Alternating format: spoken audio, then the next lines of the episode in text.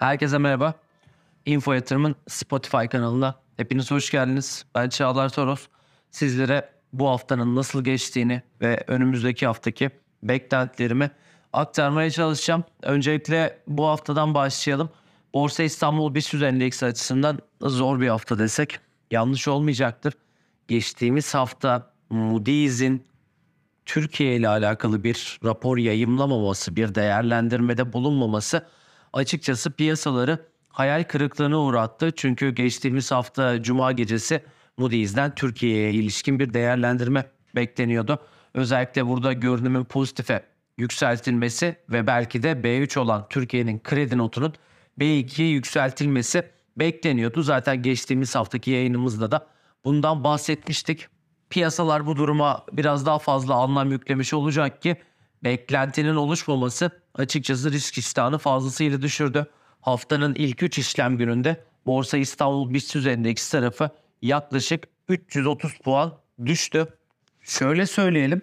Buna rağmen bankacılık sektörü bir Borsa İstanbul BIST Endeksi tarafından biraz daha pozitif ayrıştı. Çünkü yabancı kuruluşlardan gelen bankalara ilişkin, yurt içi bankalara ilişkin olumlu haber akışları ve diğer taraftan Moody's belki beklenti yayınlamadı ama kredi raporu yayımladı hafta içerisinde.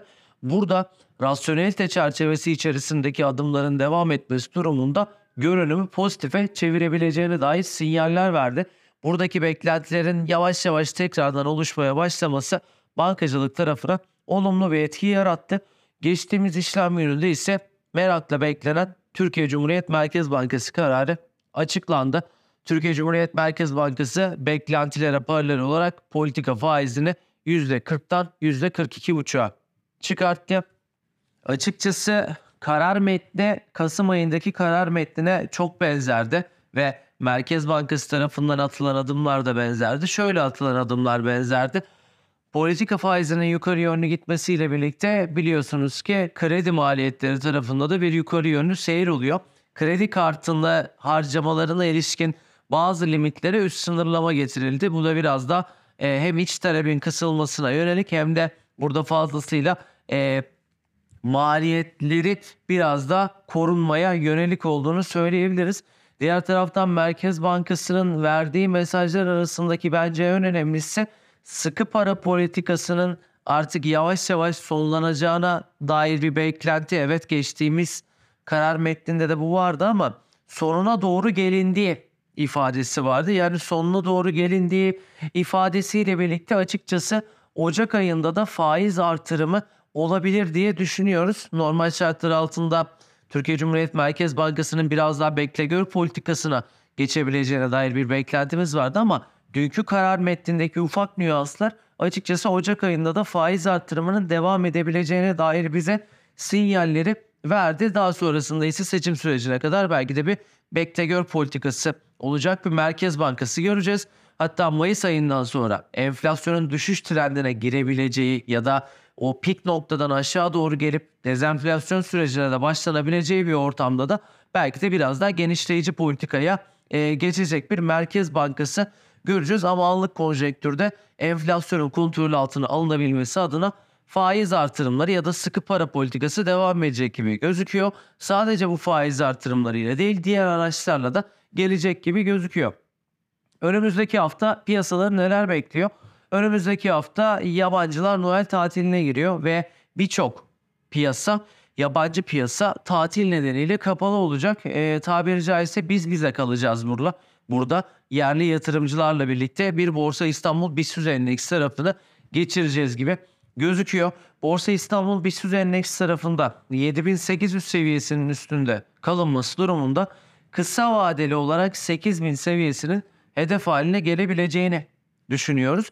Geri çekilmelerde de 7600 seviyesi yakından takip edilmeli. Önümüzdeki hafta ekstrem önemli bir haber akışı bulunmuyor. Türkiye açısından dış ticaret dengesi açıklanacak. Özellikle ihracat odaklı bir strateji belirlenmesi yani büyüme odaklı bir strateji belirlenmesi kapsamında ihracat verileri açıkçası önem arz edecek.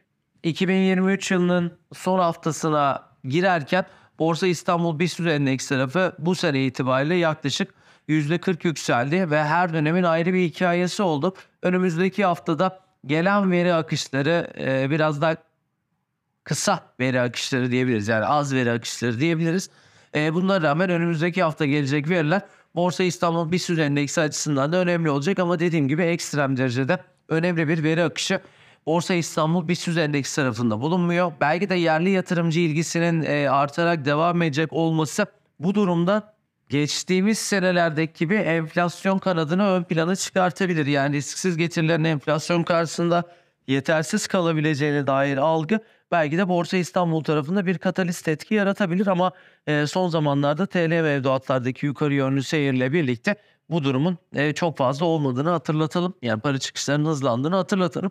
O yüzden önümüzdeki hafta e, biraz daha yatay geçebilecek bir Borsa İstanbul BIST Endeksi e, tarafı olabilir. Yani haber akışlarının azlığı ve ekstrem bir veri akışının e, olmaması Borsa İstanbul tarafını biraz daha stabil halde e, yılı sonlandırabilir diye düşünüyorum. Benim sizlere bu haftalık aktaracaklarım bu kadar. Hepinize sağlıklı günler, iyi seanslar, bol kazançlar diliyorum. Hoşçakalın.